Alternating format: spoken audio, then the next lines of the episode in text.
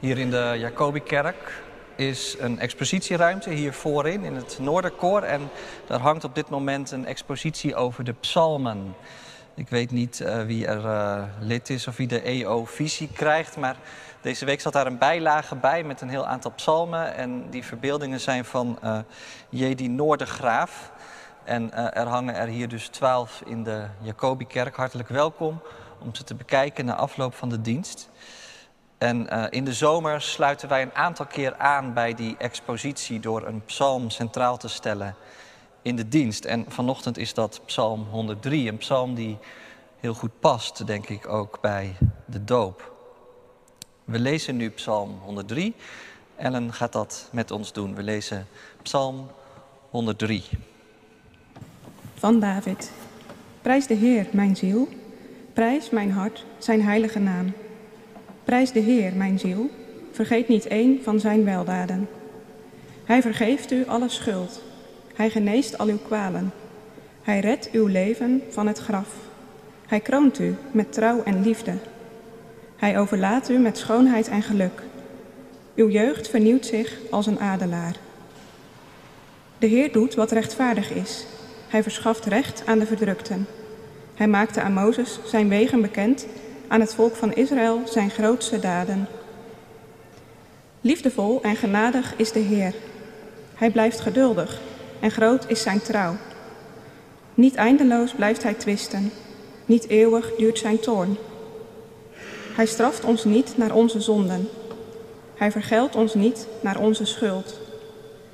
Zoals de hoge hemel de aarde overspant, zo welft zich zijn trouw over wie hem vrezen.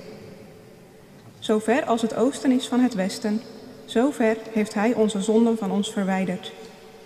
Zo liefdevol als een vader is voor zijn kinderen, zo liefdevol is de Heer voor wie Hem vrezen.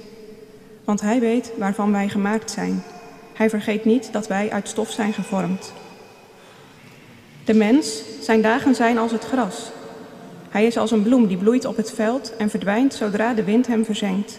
De plek waar hij stond kent hem niet meer. Maar de Heer is trouw aan wie hem vrezen, van eeuwigheid tot eeuwigheid. Hij doet recht aan de kinderen en kleinkinderen van wie zich houdt aan zijn verbond en naar zijn geboden leeft. De Heer, zijn troon staat vast in de hemel. Als koning heerst hij over alles. Prijs de Heer, u die zijn bodem bent. Sterke helden die doen wat hij zegt, gehoorzaam aan het woord dat hij spreekt. Prijs de Heer, hemelse machten, dienaren die doen wat hem behaagt. Prijs de Heer, al zijn schepselen. Prijs hem, overal in zijn rijk. Prijs de Heer, mijn ziel. Dit is het woord van God. Gelukkig ben je als je het hoort en er naar leeft. Ik kan gerust stellen dat zo'n psalm heel rijk is. Daar kun je eindeloos in blijven lezen, uit blijven zingen. Ik wilde vanochtend een vers onderstrepen, vers 8. Dat is ook het vers wat in de expositie gekozen is, wat eronder staat. Liefdevol en genadig is de Heer. Hij blijft geduldig en groot is zijn trouw. Ik denk dat dat ook wel echt een kerntekst is in deze psalm. Gemeente van Christus, hier in de kerk aanwezig en iedereen thuis met ons verbonden. En natuurlijk vooral jullie vanochtend, beste doopouders. Misschien heb je er nooit van gehoord, misschien ook wel, van de boekenserie Kippensoep voor de Ziel. Het is een uitgebreide reeks boekjes vol korte verhalen, komt uit Amerika, met hele wijze levenslessen. Ze werden geschreven zo'n beetje vanaf het midden van de jaren 90. En ik zag dat er wel 250 titels verschenen zijn. Allemaal kippensoep voor allemaal zielen. Van kippensoep voor de ziel van de sportliefhebber tot kippensoep voor de ziel van de stadsmens. En ja, ook kippensoep voor de ziel van jonge ouders. Ik kwam de serie zelf tegen toen ik een tijdje in het buitenland in een internationale kerk zat. En de mensen op de Bijbelkring nogal enthousiast waren over deze serie. En eerlijk gezegd, Ik had zelfs zo mijn vragen erbij. Kippensoep voor de ziel, klinkt dat niet verschrikkelijk afgezaagd? Maar toen ik er wat langer over nadacht en ook wat verhalen hoorde waarom mensen er zo gek op waren, dacht ik, ja, er zit toch wel wat in. Want inderdaad, onze ziel kan wel af en toe een opkikker gebruiken, toch? Als we onrustig zijn of vol vragen over de wereld of over onze toekomst of over onszelf of over onze kinderen. Als we aan het einde van ons Latijn zijn, na een seizoen hard werken, of als het soms zo flauw is van binnen, zo mat. Ik weet niet of je dat herkent. En dat je dan iemand nodig hebt of iets hoort waardoor je denkt, kop op, inderdaad. Moed houden, ziel. En misschien wel vooral, kijk omhoog. Nou ja, zo zou je Psalm 103 wel kunnen lezen, dacht ik deze week. Als een stem die je ziel aanspreekt. En ik dacht het niet alleen, het staat er letterlijk aan het begin van Psalm 103. Kijk maar wat David zegt. Prijs de Heer, mijn ziel. Prijs mijn hart, zijn heilige naam. En als het er zo staat, dan maakt dat meteen nieuwsgierig. Want heeft die ziel van David dat dan nodig om aangesproken te worden? Nou ja, blijkbaar wel. En dat verbaast me eigenlijk niet zoveel, want ik weet niet hoe het met jouw ziel zit, maar het kan met onze ziel inderdaad alle kanten opgaan. Ik bedoel eigenlijk met ons gemoed. Want als het in de Bijbel over onze ziel gaat, dan ligt de betekenis daarvan heel dicht aan tegen onze gesteldheid. Dat zie je heel goed als je de psalmen leest. Want in de psalmen gaat het heel vaak over de ziel. En dan komen er allerlei gemoedstoestanden voorbij. Ik zal een paar voorbeelden geven. Psalm 13 bijvoorbeeld. Dat gaat over een ziel die vol van zorgen en verdriet is. Hoe lang nog wordt mijn ziel gekweld door zorgen en mijn hart door verdriet overstelpt, dag aan dag? Psalm 42, heel geliefd. Wat ben je bedroefd, mijn ziel? En wat ben je onrustig in mij? Het is alsof de psalmdichter in gesprek is met zijn ziel. En zich afvraagt wat er toch aan de hand is, daar diep van binnen. Waar gaat het nou over? Wat is er gaande? Dat is de ene kant. En, en aan de andere kant, in de psalmen, vind je ook een andere gemoedstoestand. Want juist in het psalmboek lees je ook vaak over een ziel die juist vastigheid, een hand eronder gevonden heeft. In Psalm 16 bijvoorbeeld. Daarom verheugt zich mijn hart en juicht mijn ziel. Mijn lichaam voelt zich veilig en beschut. Psalm 63. Ik ben aan u gehecht met heel mijn ziel. Of Psalm 131. Ik heb mijn ziel tot rust gebracht. Nou ja, als je de psalmen leest, dan zie je dus vaak een soort beweging. Van de onrust via de hoop en de verwachting naar de beschutting. En misschien is daarom het psalmboek wel zo geliefd, omdat je er iets in herkent van je eigen verlangen en van je eigen hoop.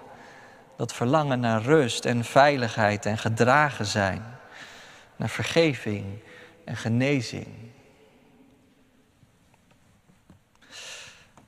Ik denk dat het daarom goed is om die psalmen ook gewoon vaak te zingen en te lezen.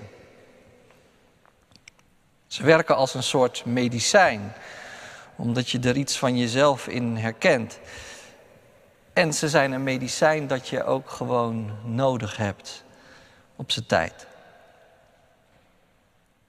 Ik hoorde de bekende schrijver Elizabeth Day in een podcast vertellen dat, dat heftige emoties, boosheid of angst, heel vaak eh, relatief kort duren. Ze heeft het over 90 minuten. En daarna is je ziel weer open en voor reden vatbaar.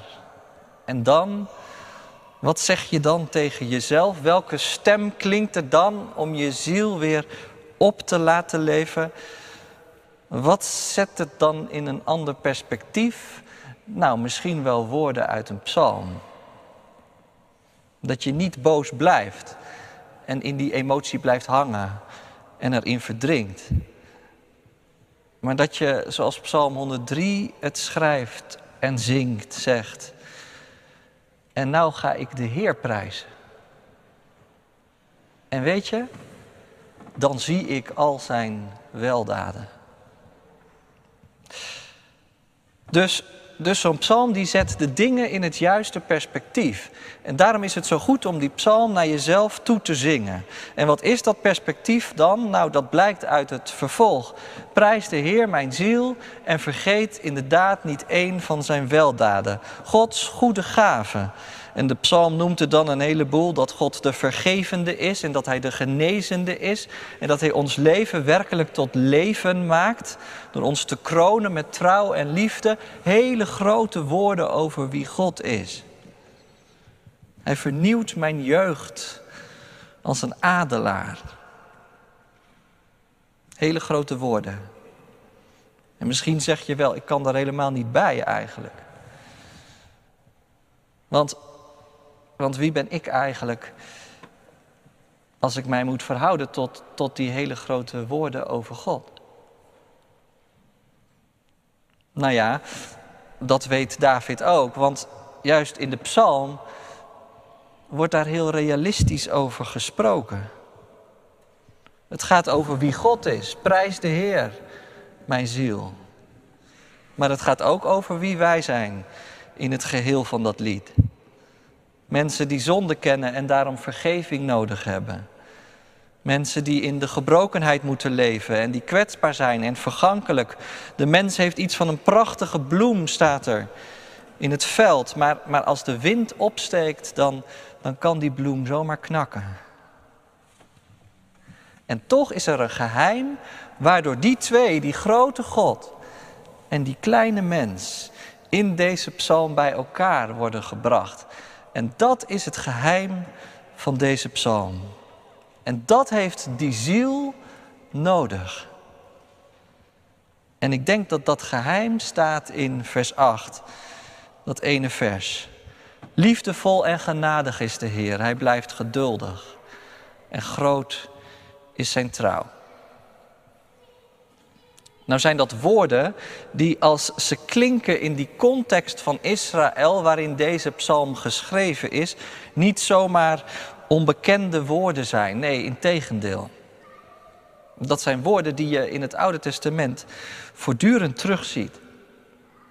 Bijvoorbeeld in het boek Nehemia als het volk uit de ballingschap is teruggekomen en ze voor God staan en ze beloven dat ze het verbond willen vernieuwen met Hem en echt voor God willen leven voortaan, dan wijzen ze op dit zinnetje, liefdevol en genadig is de Heer, Hij blijft geduldig en trouw. Of als Jona bij de stad Nineveh zit en hij ziet dat die stad niet wordt verwoest door God. En eigenlijk lijkt het wel alsof hij het daar lastig mee heeft. En dan zegt Jona, ik wist het wel, dat u een God bent die genadig is en liefdevol, geduldig en trouw en tot vergeving bereid. Maar de eerste keer dat dat zinnetje klinkt, is in het boek Exodus. Je zou kunnen zeggen, daar wordt de grond gelegd voor deze beleidenis die steeds weer klinkt tot en met deze psalm aan toe. Je kent het verhaal als je vaker in de kerk komt. En anders neem ik je heel even mee. Over God die zijn volk bevrijd heeft uit Egypte en het volk leeft een tijdje in de woestijn en gaat naar het beloofde land toe. En God belooft, ik zal met jullie meegaan. Er is een verbond tussen mij en jullie. Ik verbind me aan jullie. Ik zorg voor jullie. En Mozes, als vertegenwoordiger van het volk, gaat de berg op en hij krijgt twee stenen tafelen en daarin staat geschreven wat het volk moet doen om in dat verbond te kunnen leven. Ik heb jullie bevrijd uit Egypte, zegt God.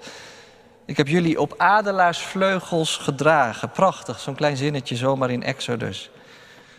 En nu als jullie je houden aan mijn woorden, dan zullen jullie een kostbaar bezit zijn voor mij en blijven. Maar goed, dat verhaal loopt dus heel naar af. Want als Mozes met die stenen tafelen naar beneden komt, dan is er echt een anticlimax. Want het had te lang geduurd. Het volk was ongeduldig geworden. God had te lang op zich laten wachten. En ze hebben voor zichzelf een God gemaakt, een afgod. En als Mozes het volk uitzinnig ziet dansen rondom dat beeld, dan verliest hij zijn geduld en dan smijt hij die tafelen van het verbond in duizend stukken kapot. Ik had het net even over die kwetsbaarheid in Psalm 103, die kwetsbaarheid van de mens en die gebrokenheid, weet je nog? Die zonde en die schuld. Nou, in zo'n geschiedenis in het Oude Testament wordt dat zo ingekleurd. Een illustratie bij wat dat eigenlijk betekent en wat daar de consequenties van kunnen zijn. Zo kan het dus gaan met mensen die zo makkelijk vallen voor een namaakgod. En het kan dan zomaar ontsporen en God verliest de band. En dan verliest Gods volk de band met hun Heer. Maar dan is dat niet het einde. En dan gebeurt er nog iets anders. En dan zijn we precies bij de kern van dat ene zinnetje uit Psalm 103. Want, want dan gaat Mozes opnieuw de berg op. En dan zegt God eerst dat hij niet meer met Israël mee wil gaan. Want jullie zijn een onhandelbaar volk. Maar dan doet God dat uiteindelijk niet. Volk Israël toont berouw. Mozes springt voor hen op de bres. En als God dan aan Mozes verschijnt, dan klinkt er een stem. En dan zegt God zelf, de Heer, een God die liefdevol is en genadig, geduldig, trouw en waarachtig. Dus snap je wat er gebeurt als dat zinnetje klinkt in Psalm 103 en helemaal ingebed is in de realiteit van elke dag en je er van alles en nog wat aan herkent? Dan is dat niet zomaar een zinnetje wat mooi is en wat je dragen kan maar dan is het een zinnetje dat gaat over Gods trouw, die altijd groter is dan je kunt denken. Gods genade, die altijd rijker is dan je nodig hebt. Over een God die steeds weer terugkomt. Betekent dat dan dat het volk Israël voortaan overal mee wegkomt? Nee. Mozes krijgt opnieuw de woorden van God mee, zodat de Israëlieten daarnaar kunnen leven. En zodat het werkelijk een heilig volk zal zijn. Dat is altijd die beweging. Die beweging die in het verbond wordt gemaakt. Leven voor God. Maar God die ons barmhartig is en ons draagt omdat God ons kent. Gij weet wat u van ons kan verwachten. Nou, dat is dus de reden dat Psalm 103 alle reden geeft om God te prijzen. Prijs de Heer mijn ziel, prijs mijn hart zijn heilige naam. En dan staat er eigenlijk niet eens dat je God moet prijzen, maar maar letterlijk iets als zegen hem. In de berijming staat het er ook zo. Zegen mijn ziel, de grote naam des Heren. En dat is altijd heel mooi aan het woordje zegenen. Want die zegen, dat woordje, dat werkt eigenlijk twee kanten op. Natuurlijk, het gaat over God zegen voor ons. De Heer zegent je en hij behoedt je. Maar het woord zegenen heeft ook altijd iets wat de andere kant op gaat dat je God kunt zegenen. Door Hem te prijzen. En door je armen te openen en je handen vol verlangen. Het hart open en de blik omhoog. En dat je zo de ziel oproept om God te zegenen. En ik dacht, is dat eigenlijk niet precies wat jullie straks gaan doen bij de doop? Je armen in aanbidding openen, omdat je dankbaar bent voor wat God jullie heeft gegeven. En tegelijkertijd je armen ook in volle overgave openhouden, omdat je wilt ontvangen wat God in zijn woord heeft beloofd. Omdat je dat je kind ook wil voordoen. Om de armen open te doen voor God. Om zijn liefde en zijn genade en zijn trouw en zijn goedheid te ontvangen. En dat brengt dan bij een laatste gedachte. Dan gaat het even over dat schilderij, want ik zat er van de week nog eens naar te kijken. En ik zag dat bij die afbeelding van Psalm 103 heel groot een duif was getekend. En ik dacht, er komt wel een adelaar voor in die psalm, maar, maar geen duif. Maar als je dan wat verder nadenkt, en als je bedenkt waar de duif in de Bijbel allemaal voor staat, dan is het toch niet zo vreemd gekozen, denk ik.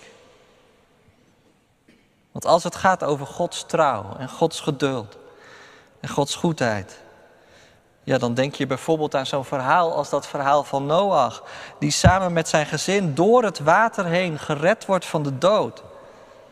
Een verhaal dat trouwens op allerlei manieren ook aan de doop verbonden is. De doop die laat zien dat je door het water heen gered wordt. En als je denkt aan een duif en het water en de doop, dan kun je ook niet meer om het Nieuwe Testament heen. Als Jezus door Johannes wordt gedoopt en na zijn doop weer boven water komt en er die stem klinkt uit de hemel. Dit is mijn geliefde zoon in Hem vind ik vreugde. Dus misschien komt in die Jezus alles wel bij elkaar. De belofte van vergeving en genezing. Worden ze in Hem werkelijk verwezenlijkt? En is de doop daar een teken en zegel van? Van een God die in Christus dit laat zien dat Hij inderdaad liefdevol en genadig is, geduldig en dat zijn trouw groot is oneindig groot. Alle reden om je armen te openen en Hem te zegenen. Zegen mijn ziel, de Heer. Vergeet niet een van zijn weldaden. En vergeet nooit om het tegen jezelf te zeggen. Elke dag weer. En tegen je kinderen. Prijs Hem. Amen.